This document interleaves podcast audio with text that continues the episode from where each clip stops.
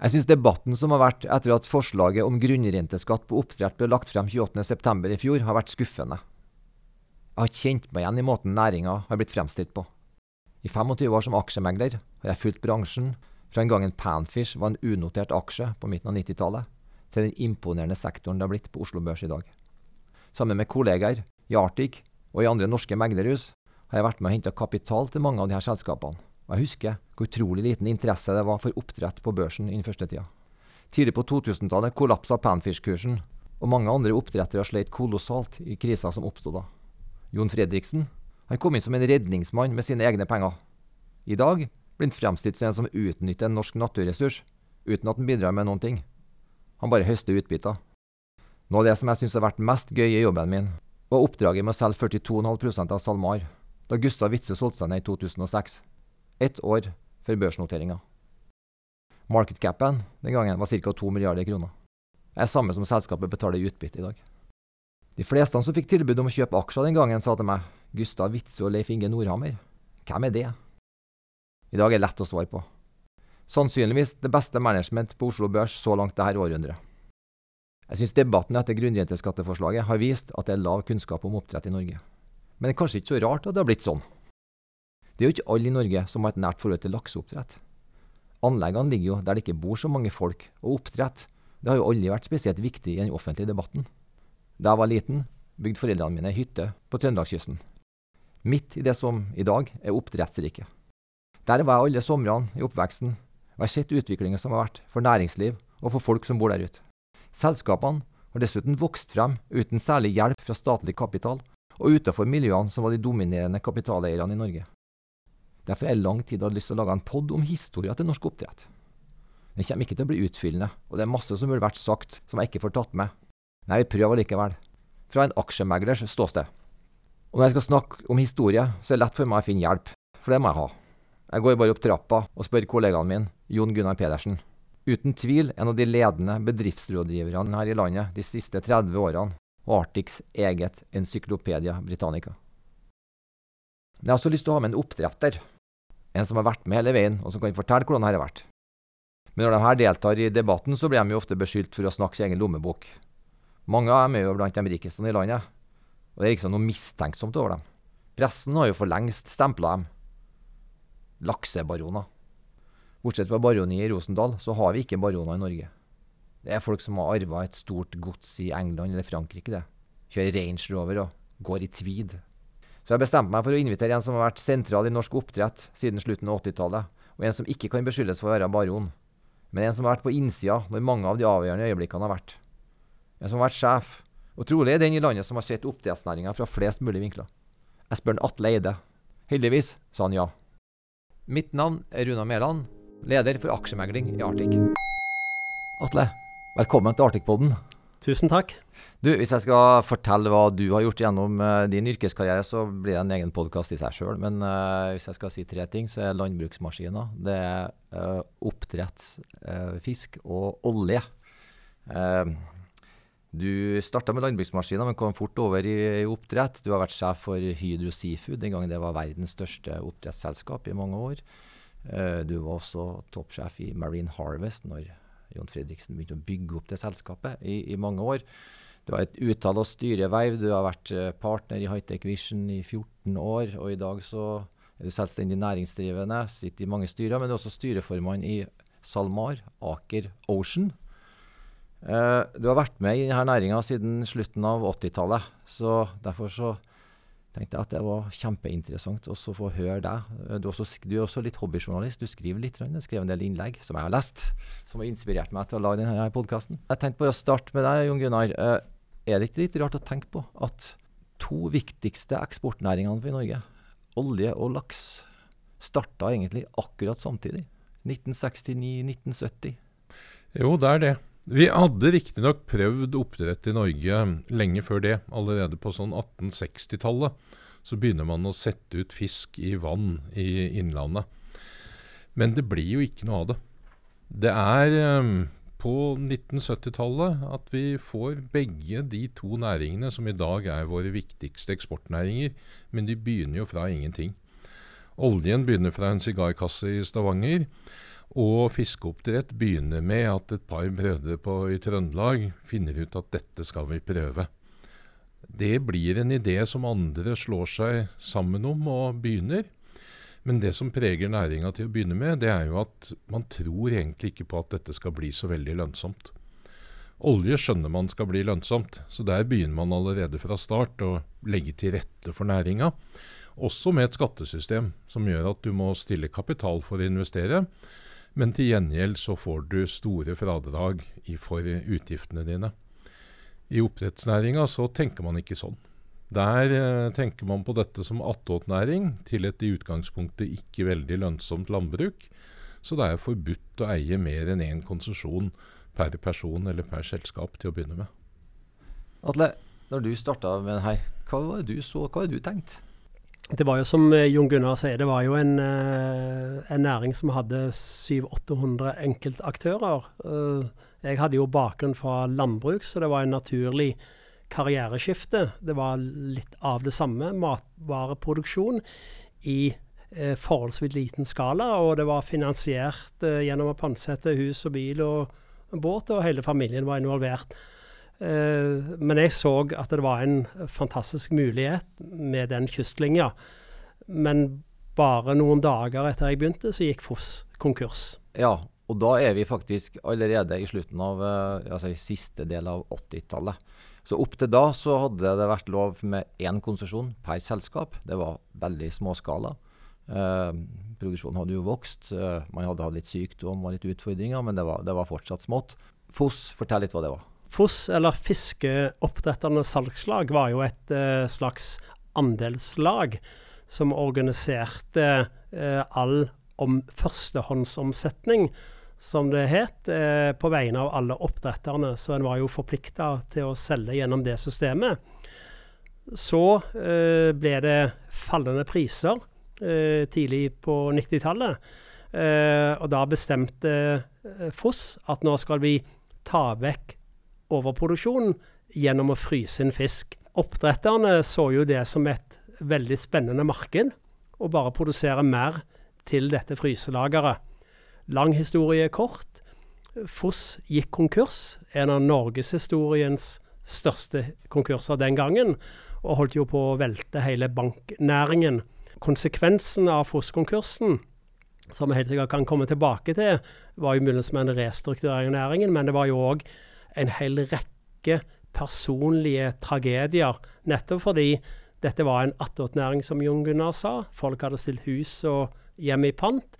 Plutselig så fikk de ikke betalt for fisken sin, eh, som var gått inn i fossboet, og gikk konk. Ja, og Det var jo altså egentlig da Vi går fort frem en, en 20-årsperiode, men, men, før vi kom der, så var jo egentlig Tanken var jo også temme et villdyr, altså laksen, som var et, kanskje den edleste fisken vi hadde langs kysten. Den en, ble spist på høytider, bryllup. Mm. Til oss hadde vi alltid første juledag laks fra Gaula. Eh, og hvis du kunne levere den jevnt året rundt, så ville det være gode penger å tjene på. Det var tanken bak oppdrett. Og Så måtte man også få det her villdyret til å temmes. Og Da kom genetikk inn i bildet ganske tidlig for å få utvikla en, en, fisk som kunne egne seg i fangenskap på en måte her, ikke sant? Det som er litt interessant, uh, forlengelse av det du, det du, sier, Runar, er jo at uh, kanskje i mye større grad enn på oljenæringen, så er jo Norge et kompetansesenter for eh, oppdrett i det store og det hele. Ikke bare laks, men etter hvert for en hel rekke andre arter. Og dette med genetikk, som er jo en avansert vitenskap, det var jo miljøet på eh, Universitetet på Ås veldig langt fremme. Innenfor teknologi var jo Sintef og miljøet på uh, gamle NTH veldig langt framme. Så det ble bygd opp en kompetanse omkring det, denne bransjen. og Interessant nok så begynte den utviklingen parallelt med at det var én oppdretter, én konsesjon. Det var vel, Trygve Gjedrem og Harald Skjærvold er to navn jeg har hørt. Eh, forskere, professorer på, på, Ås, som så at de her bøndene som begynte med det, de trengte litt hjelp. Ja, Interessant nok, så hvis du tar de to navnene, så kan du trekke en direkte parallell over til Benchmark Holding, som er et børsnotert selskap i England som eier den ene delen av genetikken. Den andre delen av genetikken, igjen utvikla av disse menneskene, eies jo av et stort tysk privatselskap som heter BV Group. Og så den siste stammen, eh, som da kontrolleres av Movi. Så, så, denne genetikken som disse to professorene utvikla, eller flere rundt de, er i dag store kommersielle suksesser. Eh, og det ene av de er børsnotert. Ja. Jon Gunnar, det ble en sånn næringsklynge som utvikla seg uten hjelp fra så veldig mye eksternt, var det? Ja, du kan si det, det, det skjer i hvert fall i Norge. Og det, det jeg syns det poengterer, det er jo også at dette er ikke bare en ny næring i norsk sammenheng.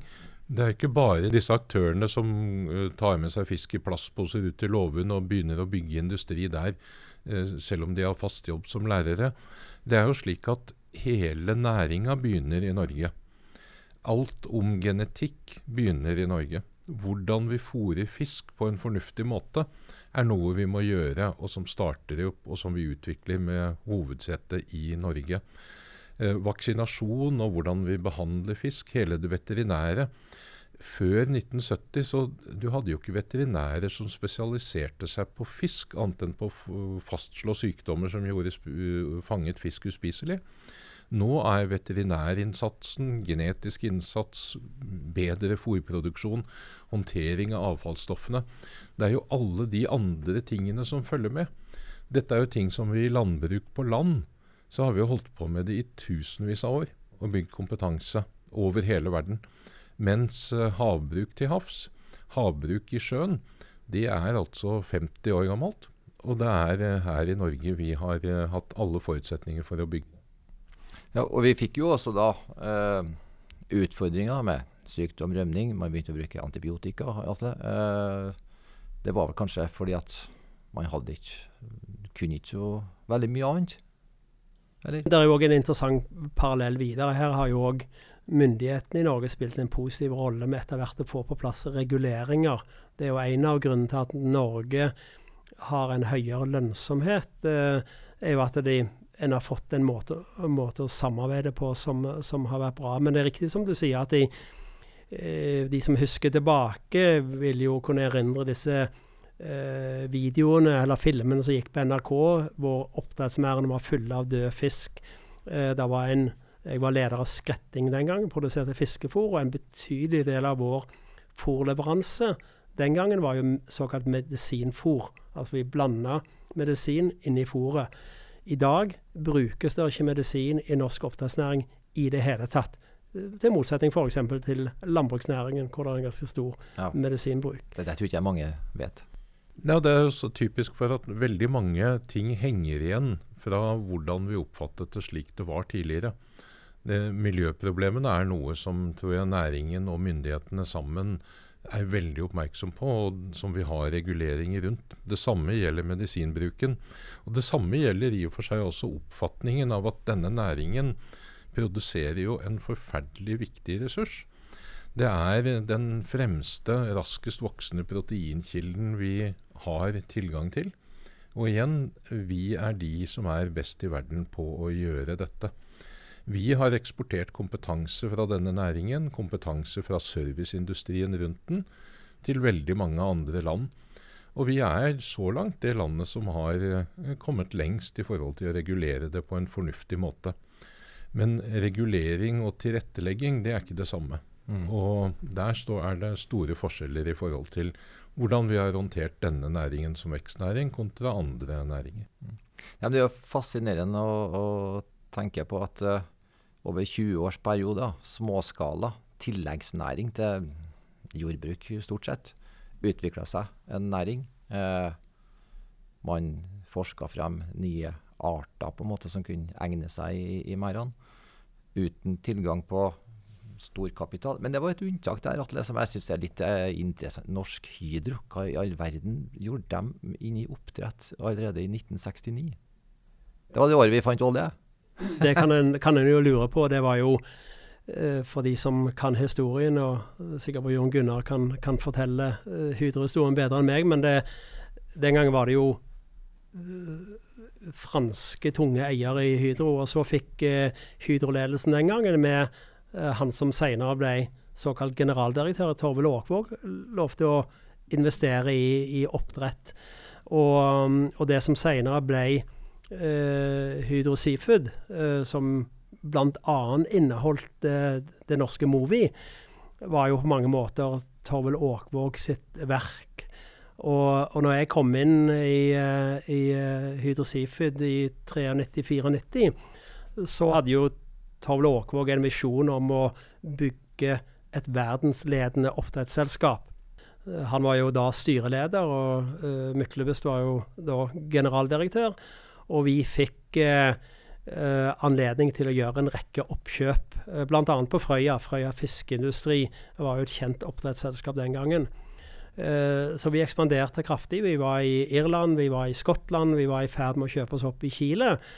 Så forandra jo etter hvert uh, Hydro strategien sin fra å være kognomerat til å bli reindyrka, og valgte da å selge seg ut av norsk oppdrettsnæring. Uh, det var ikke en beslutning som jeg var en direkte del av, men jeg var i selskapet når det ble solgt, og jeg tipper at det ikke hadde skjedd hvis Tove Aakvåg hadde fått lov til å bestemme videre. Det var ikke noe stor politisk debatt om det den gangen? Der. Nei, det var ikke det. Og det, det, det er veldig megetsigende, syns jeg, at eh, mange av de viktigste utviklingstrekkene i næringa, det er forårsaket av kriser. Vi var inne på Foss-konkursen på 90-tallet, som endrer synet på at må lov, man må få lov til å bygge noe sterkere kapital, eh, kapitalsterke enheter i næringen. Så du får lov til å eie mer enn én konsesjon.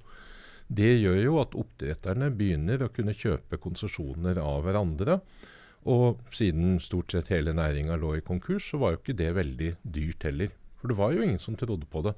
Og det var jo i praksis umulig å finansiere det gjennom banker i stort omfang.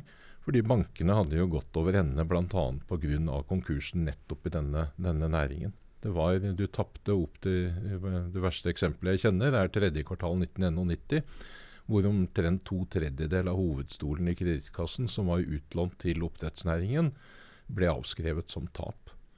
Så du måtte jo greie deg som næring, men samtidig hadde du fått noen rammebetingelser på plass.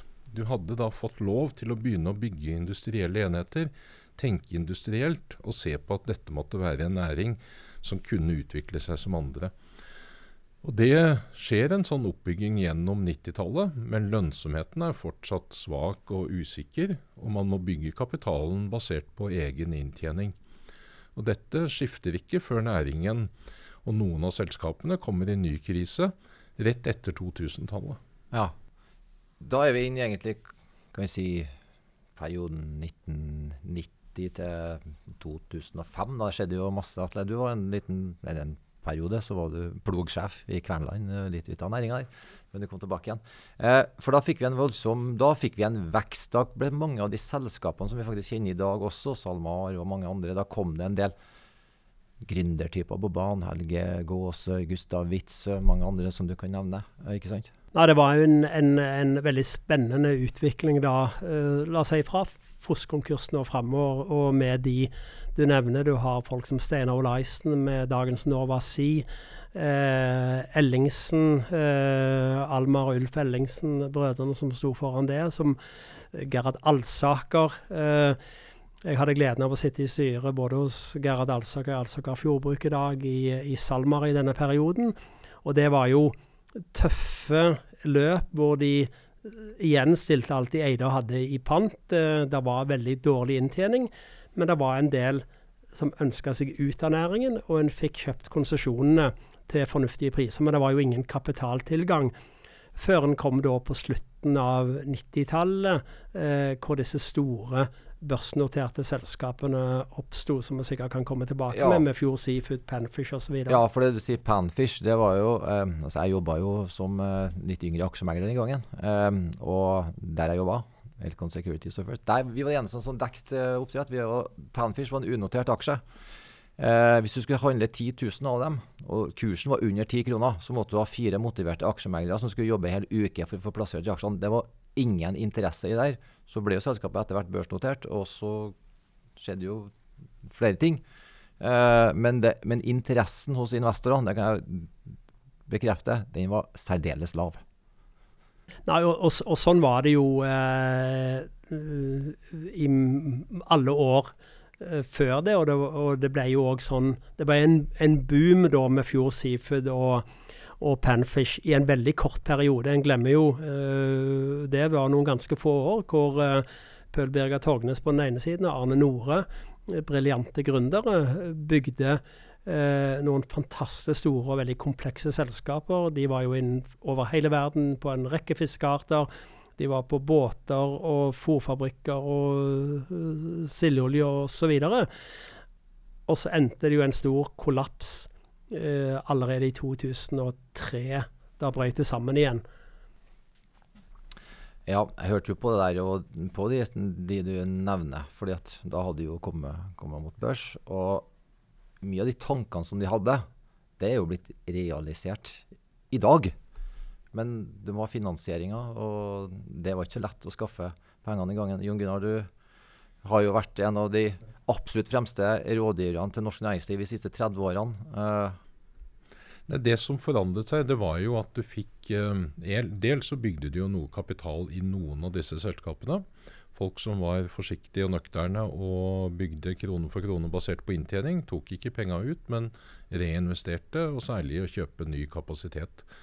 Men det andre var jo noe som, eh, som, som du brukte børsen til, nemlig å skaffe annen kapital. Og igjen så er vi da i en krisetid. Så skjer det noe som endrer næringa fundamentalt. Og en av de endringene, det er jo at du får inn kapitalen fra eh, Jon Fredriksen og hans våpendrager Trøim, som går inn i eh, fiskenæringen på helt riktig tidspunkt. Ja, og Det skal vi snakke om. Men bare et spørsmål der. Politikerne, hva sa dem på en tid der? Nei, De ser at næringen har potensial, men de ser samtidig at det er svak lønnsomhet. Eh, det betyr at det er ikke noe tale om noen særskatter. Og det som preger næringen og reguleringen av den fortsatt, det er eh, bekymringen for miljøkonsekvensene. Så du lager et trafikklyssystem. Du er opptatt av at uh, forurensningsproblemet må håndteres, at sykdomsproblemet må håndteres. Og næringa utvikler seg jo samtidig i riktig retning. Antibiotikaen tas ut av fôret. Du får eh, bedre kontroll. Og det at du får større konserner, eh, har jo også som eh, resultat at du får andre systemer inn. Du får overvåkning på en annen måte. Du får produksjonskultur i næringen som gjør at du må holde striktere rutiner, eh, tydeligere beskjeder, klarere retningslinjer. Eh, rett og slett det som følger med en vanlig kommersialisering av næringen. Myndighetene står på sidelinjen, men de ser at uh, etter hvert som næringen skal vokse, så kan det bli mer økonomisk interessant for dem også. Så du begynner å tenke på hvordan kan du ta betalt for å selge ny kapasitet, gitt at myndighetene da samtidig går god for at det er rom for den kapasitetsøkningen.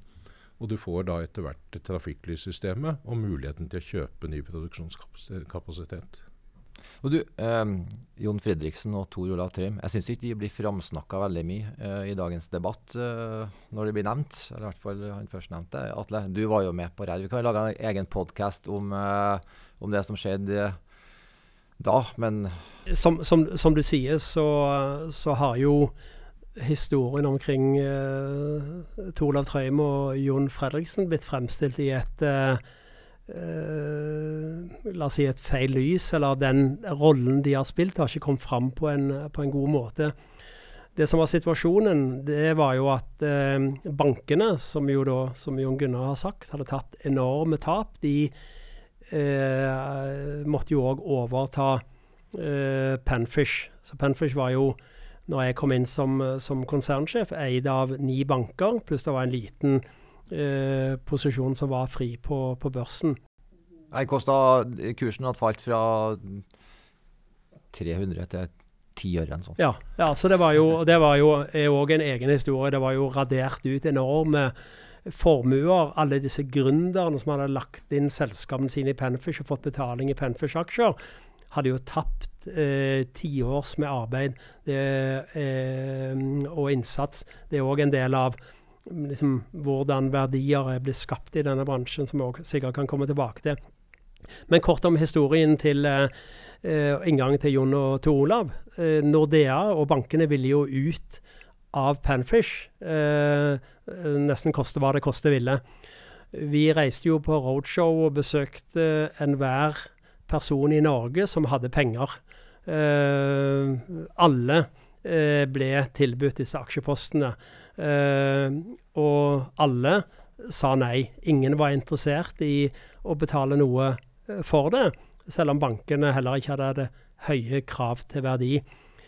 Så uh, skjedde det en kobling mellom uh, Jon og Tola på den ene siden og Nordea, som var jo deres store bank på shipping.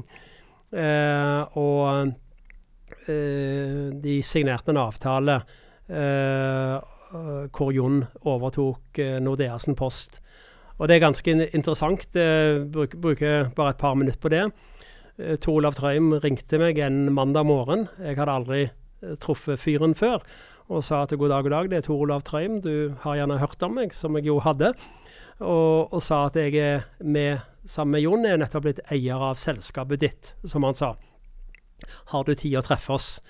Uh, og det hadde jeg jo. Uh, og Tor Olav sa til meg still opp uh, på kontoret til Jon på Aker Brygge og ta med deg noen tanker om hva du kan tenke deg med å gjøre med dette selskapet videre.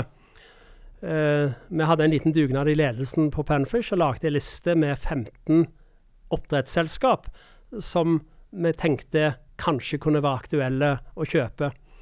Eh, kort møte med Jon. Eh, jeg hadde jo forberedt mye, mange permer med papir. Og Jon sa på slutten av det møtet at vi gjør dette, sier han. Og så sier jeg hva mener du? Ja, foreslo du ikke vi skal kjøpe disse 15 selskapene? For meg var jo det bare eksempler. Eh, så han sa OK, mm, reis hjem, og du må love meg bare én ting. at sånne tykke permer tar du aldri med deg mer. Ingen notater må være over ei side. Så ringte Jon meg etter tre uker og sa at jeg tror jeg selger meg ut, jeg, Atle, for dette går jo så seint. Eh, og så mm, kjøpte vi til slutt eh, Marine Harvest et par måneder etterpå. Det var da fra Nutreco? Det var fra Nutreco. Det var jo gamle Hydro Seafood. Hydro Seafood. Så her, det går i en sirkel her. Ja, så da var det gått fem år. Hydro Seafood var solgt til Nutreco. De hadde slått det sammen med det som heter eh, Marine Harvest, det skotske selskapet, og selskapet til Stolt-Nielsen, eh, og skulle ta det på børs. Eh, hadde brukt en fire-fem år på det. Uh, og vi benytta muligheten, backa av Jon og Tor Olav, til å kortslutte den uh, prosessen, og kjøpte uh, tilbake selskapet, kan du si, på mange måter, for 1,3 milliarder euro. Ja. Vanvittig spennende og historie her. Men det var også andre ting som skjedde. Andre toneangivende personer, Helge Gåse, har mista livsverket sitt han, i den perioden der også. Ja, da, Han gikk jo eh, på samme måte som Arne Nore og Pøl Birger Torgnes mista det de hadde bygd opp. Så eh, mista jo òg Helge eh, sitt livsverk eh, i denne perioden 2003-2004. Ja. Eh, så igjen ble det jo tapt enorme formuer og mange, mange, mange års arbeid. Eh, Salmar, jeg satt i styret i Salmar, var òg veldig close på å kunne miste kontrollen. Gustav klarte det i godt samarbeid med sin bank eh, og hadde noe mindre gjeld. Men det var veldig mange selskaper da. Eh, Tarald Sivertsen, eller brødrene Sivertsen som vi husker, med Folla Laks ble jo overtatt av fòrleverandøren osv. Store finansielle tap for eiere bygd opp over årtier og store personlige tragedier ja. knytta til disse konkursene. Og der ser du altså Noen da forsvant ut, andre klamra seg fast. Kom tilbake. Helge Gåsø, en ordentlig comeback-kid. Eh, blant de rikeste i landet i dag, det der. Eh, fantastisk historie. Og da er vi inne i en mye mer profesjonalisering av industrien. Eh, Gunnar. Ja, til å begynne med så visste jo folk at konsesjoner antagelig hadde en verdi. Og Det var jo også begrunnelsen for staten da de delte ut konsesjonene gratis på 70-, 80- og 90-tallet. Det var at her skulle man få en mulighet til å bygge industri, næringsliv, ringvirkninger, gi arbeidsplasser. Akkurat samme argumentasjon som man i dag bruker rundt grunnrenten som skal skapes av vanlig fiskeri at ringvirkningene betyr så mye for Distrikts-Norge og for de som ligger rundt selve næringen som får selve tillatelsen. Jeg bare stopper litt, Jon Gunnar. For du nevnte eh, det med gratis konsesjoner. Det er vel ikke helt tilfellet? Jo, det er tilfellet i den forstand at de første som fikk konsesjoner på 70-, 80- og begynnelsen av 90-tallet, de fikk dem gratis.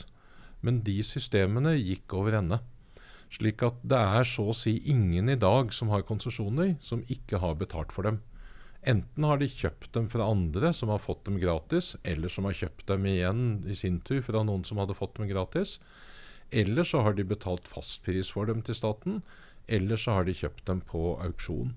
Så å si alle konsesjonene som er i bruk i dag, de er det betalt for. Men det betyr ikke at staten, som i sin tid ga dem bort som attåtnæring, nødvendigvis har fått betalt for dem. Nei. Jeg anbefaler lytterne å ta frem statsbudsjettet fra 2009. Der står det faktisk ganske mye bra omtalt der. Eh, Bl.a. at konsesjonene som ble forsøkt solgt i Finnmark i 2003 for 3-4 millioner kroner, hadde ingen interesser.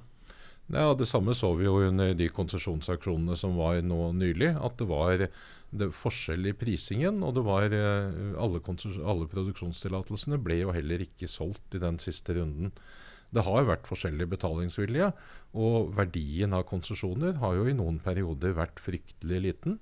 Særlig i periodene etter at selskapene som hadde driftet på dem og basert hele virksomheten sin på dem, jo hadde gått konkurs.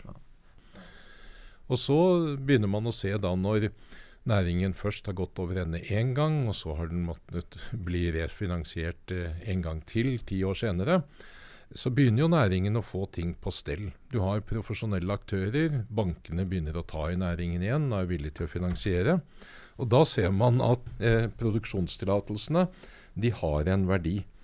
Og til å begynne med så begynner man da å selge dem, men til faste priser og sier at ok, og det, de prisene de justeres jo i takt med hvordan betalingsviljen er, så de er ikke satt i, i ørska. Men man begynner å selge produksjonskapasitet. I tillegg så gir man gratistillatelser, igjen ut fra samme tankegang om at å gi en mulighet til å produsere gir deg fordeler, fordi vi må ha en begrenset totalproduksjon av hensyn til de miljøkravene myndighetene setter. Så de begynner å gi såkalte utviklingskonsesjoner, som eh, da er vederlagsfrie, mens vanlig produksjonskapasitet, det betaler du for. I tillegg så oppstår jo òg det at når næringen blir mer lønnsom, så begynner man igjen å bygge grunnlaget for en norsk bearbeidingsindustri. Det var jo et problem gjennom 80- og 90-tallet, og i og for seg hadde vært i noen tiår tidligere, at norsk bearbeidingsindustri den var på vei nedover. Vi produserte fisken, men bl.a. pga. problemene med markedsadgang til Europa, så foregikk veldig mye av bearbeidingen i Danmark og etter hvert for laks også i, i Polen. Det gjør den i og for seg fortsatt. Men uh, etter 2006-2007 så har det jo vært en kraftig vekst, ikke minst i bearbeidingen og prosesseringen av laks i Norge. Og det har skjedd fordi man har kunnet bygge opp en mer profesjonell næring. Sammenhengende verdikjeder. Større fokus på å selge laksen fersk i stedet for frossen, bl.a. Ja. Du, eh, du nevner Næringa vokste jo seg ut av Norge også. Uh, Atle Chile kom opp som den største konkurrenten, men Færøyene kom opp. Skottland. Uh, hva, hva tenkte dere rundt akkurat det å ekspandere til andre land? Igjen så kan vi gå tilbake til det som ble berørt tidligere, at dette er jo norsk kompetanse. Det er jo norsk genetikk. Det er jo norsk kunnskap, altså fag, faget oppdrett. Teknologien er norsk, og, og, da ble det jo naturlig at eh, norske aktører òg gikk internasjonalt. og eh, Det gjorde at vi fikk tilgang på flere markeder. Eh, eh det var naturlig å levere laks til eh, USA fra Canada og fra Chile f.eks. Så, eh, så det resulterte jo at eh, med unntak av Chile og Færøyene, så er jo all oppdrettsproduksjon i verden, med noen få unntak, kontrollert av norske selskaper, eller selskaper med hovedkontor i Norge. Så det er litt annerledes på Færøyene, hvor det er veldig sterke eierskapsbegrensninger, hvor vi har fått fantastiske Bakkafrost. Uh, og så er det litt annerledes i, i Chile, hvor der, de chilenske aktørene har en relativt sterkere rolle. Resten av verden er det norske selskaper som i dag uh, kontrollerer. Og Det er òg litt interessant hvis du trekker parallellen til oljebransjen. For til tross for at myndighetene ikke da har gjort noe for å tilrettelegge for utviklingen av uh, eh, f.eks. areal i Norge, uh, så er det jo norskeide selskaper som kontrollerer eh, oppdrett i, i, i, hele verden. I mye større grad enn en ser på oljebransjen. Mm. Og den ekspansjonen ut den kommer kanskje pga. at det begynte å bli vekstbegrensninger i Norge. Man hadde eh, utfordringer. og Samtidig så er kanskje det som også bidrar til at lønnsomheten øker. Hvis man har et fantastisk produkt som konsumentene gjerne vil ha, Uh, og så blir det utfordringer med å få produsert nok. Ja, Jeg tror ikke det er bare begrensningene. Det er nok også spørsmål om markedsadgang og ligge nær markedene. Det er jo klimatiske forhold som kan gjøre at du kan ha dårlige og gode lakseår. Ikke bare pga. Uh, sykdom, men også av andre forhold, temperaturendringer osv. Så, videre. så det gjør at det er fornuftig å prøve å diversifisere produksjonen. Og noen land utvikler uh, gunstige merkevarer. Andre land kan ha enklere handelsforhold til, i forhold til andre. Uh, det vi kanskje ser i fremtiden, er nettopp det at det kommer til å spille en større rolle. Noe av interessen for uh, oppdrett i USA den skyldes jo ikke minst at kanskje må du oppdrette i USA for å komme deg på innsiden av mulige fremtidige tollmurer. Det har vi hatt i USA mot norsk laks i mange mange år som en beskyttelse av amerikansk fiskerinæring. På samme måte så tror vi også at de eh, reglene, det regelsettet som vi har utviklet i Norge, det, så lenge det er godt, så er jo det noe som kan videreføres. Men det er jo ikke sikkert det fortsetter å være det beste i systemet i verden hvis vi ikke også ser at dette er en næring som skal fortsette å vokse. Mm. Når vi begynner å nærme oss sånn 2012-13-14, etter finanskrisa, så, så, begynner lønnsomheten å bli veldig høy i mange av selskapene. Opp til da så er det liksom Sliter liksom med å se Da har det vært det var, det var, lønnsomt, ja, men at det var noe ekstremt lønnsomt opp til da, det er jo vanskelig å si. Det har vært masse utfordringer, konkurser. Hva skjedde egentlig? Hva har skjedd da? Som du har vært inne på, så ble det jo en større vekst i konsumet. Uh, og det går tilbake til egentlig at laks var et luksusprodukt som etter hvert ble veldig kostnadseffektivt. Og allemannseie gikk fra å være et sånn festivprodukt som en spiste omkring jul, til å spise året rundt. Så, så laks som produkt har fått en veldig høy akseptgrad. Og norske oppdrettere har investert store egne midler eh, gjennom den, dette såkalte eksportutvalget, eh, eh, hvor en har bygd merkevaren. Når så produksjonen strupes, så får du en eh, ekstremt sterk prisdannelse. Og det er jo den prisdannelsen i kombinasjon med en veldig svekkelse av norsk krone, som har skapt denne som de kaller for superprofit, som egentlig ikke er superprofit hvis en måler det opp mot investert kapital i bransjen. For det òg har jo forandra seg radikalt i de siste årene. Tidligere var det jo lite bearbeiding, som Jon Gunnar har vært inne på. Nå er, er det bygd gigantiske bearbeidingsmaskiner langs kysten. Sysselsetter tusenvis av mennesker. Og det er bygd store såkalte smoltanlegg som produserer smolten gjennom denne resirkuleringsteknologien. Så nivået av investeringer i bransjen betinger den typen lønnsomhet som en har i dag. Ja, og da begynner vi å bevege oss over i det som kanskje er framtiden. For jeg legger merke til at uh, de børsnoterte selskapene de snakker jo om at vi må lenger ut. Vi må ut i, ut i havet, der fisken eh, normalt opp, uh, opp, befinner seg. og offshore Det krever mye kapital. En sånn offshore-merde Vi har ennå ikke laga noe fullskala. Det er laga noen prototyper. Den som prototypen som selskapet du er styreformann for, Atle, kosta vel en milliard kroner. Det var en fullskala prototype. Og så stopper det opp, kanskje. Men det krever iallfall mye, mye kapital å utvikle den næringa. Hva tenker dere nå? Det er klart at uh, det viktigste nå er jo å få avklart denne eh, skattedebatten, som har kommet veldig feil ut. Uh, fordi staten ville jo gå inn og på en måte annektere alle de verdiene som er skapt gjennom den historien som, som nå er fortalt.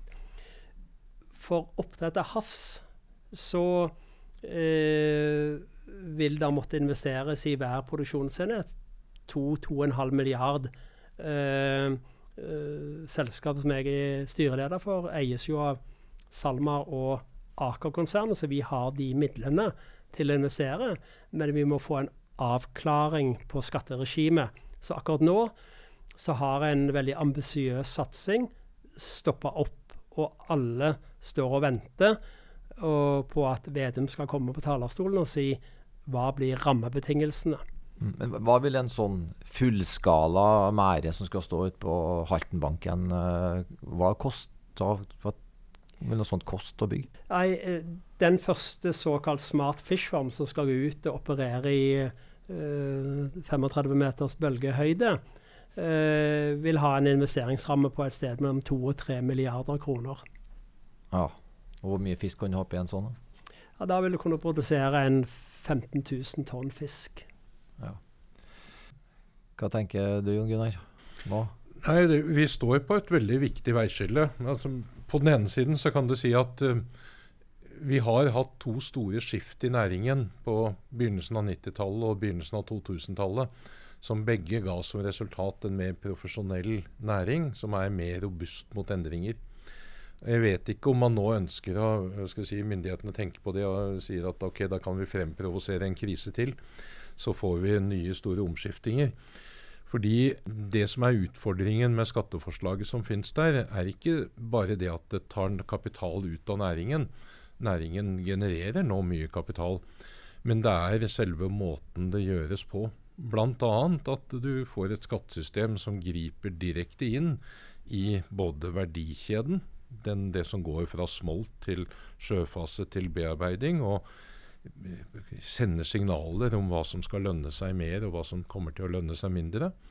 Og det at du går inn og har forskjellig skatt avhengig av hvor stort selskapet er, som er noe vi ikke har i andre uh, annen bedriftsbeskatning, med unntak av en veldig særordning i vannkraftskatten. Og det, er, eh, det, gjør jo at du får noen vridninger ut av det skattesystemet som er foreslått, som hvis det vil bli vedtatt, kommer til å endre næringen fundamentalt over tid igjen. Og det er i og for seg noe nytt. Det at det endres ikke da som følge av biologiske vilkår eller utvikling av teknologi og produksjonseffektivitet og laksens rolle som forvandler av én type fôr til en annen proteinkilde men at det forårsakes av en skatteendring. Og Det vil være noe, noe nytt, og uh, antagelig ikke til det bedre, hvis det blir slik som den, rammene for den skatten som er, ble foreslått her. Jeg håper vi at uh, den Gud har gitt makt, har han også gitt forstand. Atle, har du en siste kommentar, du? Jeg er jo enig med Jon Gunnar uh, om dette med skatten. og det kanskje mest alvorlige er jo måten dette har skjedd på. Det at regjeringen har utvikla et skatteforslag uten å ha de dype diskusjonene med aktørene, og dermed fått det innretta på en fornuftig måte. Jeg tror næringen er eh, innstilt på å videreutvikle seg, og om nødvendig betale mer skatt, men det må skje på en måte som stimulerer veksten, og ikke hemmer veksten, som det nåværende forslaget helt klart gjør. Da håper jeg at uh, lytterne har fått litt mer forståelse for uh, den lange, til dels tunge men også veldig morsomme veien uh, fram til der vi er i dag. Og at vi også kan se denne næringa blomstre og utvikle seg i mange mange år, eller inn i all evighet for Norge. Arctic-poden takker for seg. Tusen takk, Atle, for at du var her i dag. Jon Gunnar, takk du også. Vi kommer tilbake. This podcast has been prepared by Arctic for information purposes only. The information, opinions, and recommendations presented in this podcast are for general information only, and any reliance on the information provided in this podcast is done at your own risk. This podcast should not be considered professional advice. The information provided in this podcast is not intended to constitute investment advice, nor is the information intended as an offer or solicitation for the purchase or sale of any financial instrument. Relevant and specific professional advice should always be obtained before making any investment or credit decision. It is important to note that past performance is not indicative of future results. This podcast does not fulfill the criteria for preparing investment research and must be seen as marketing material. All information submitted during this podcast is obtained from public sources that Arctic believes to be reliable, but which Arctic has not independently verified. Arctic makes no guarantee, representation, or warranty as to its accuracy or completeness. No liability whatsoever is accepted for any direct or indirect, including consequential loss or expense arising from the use of information from this podcast.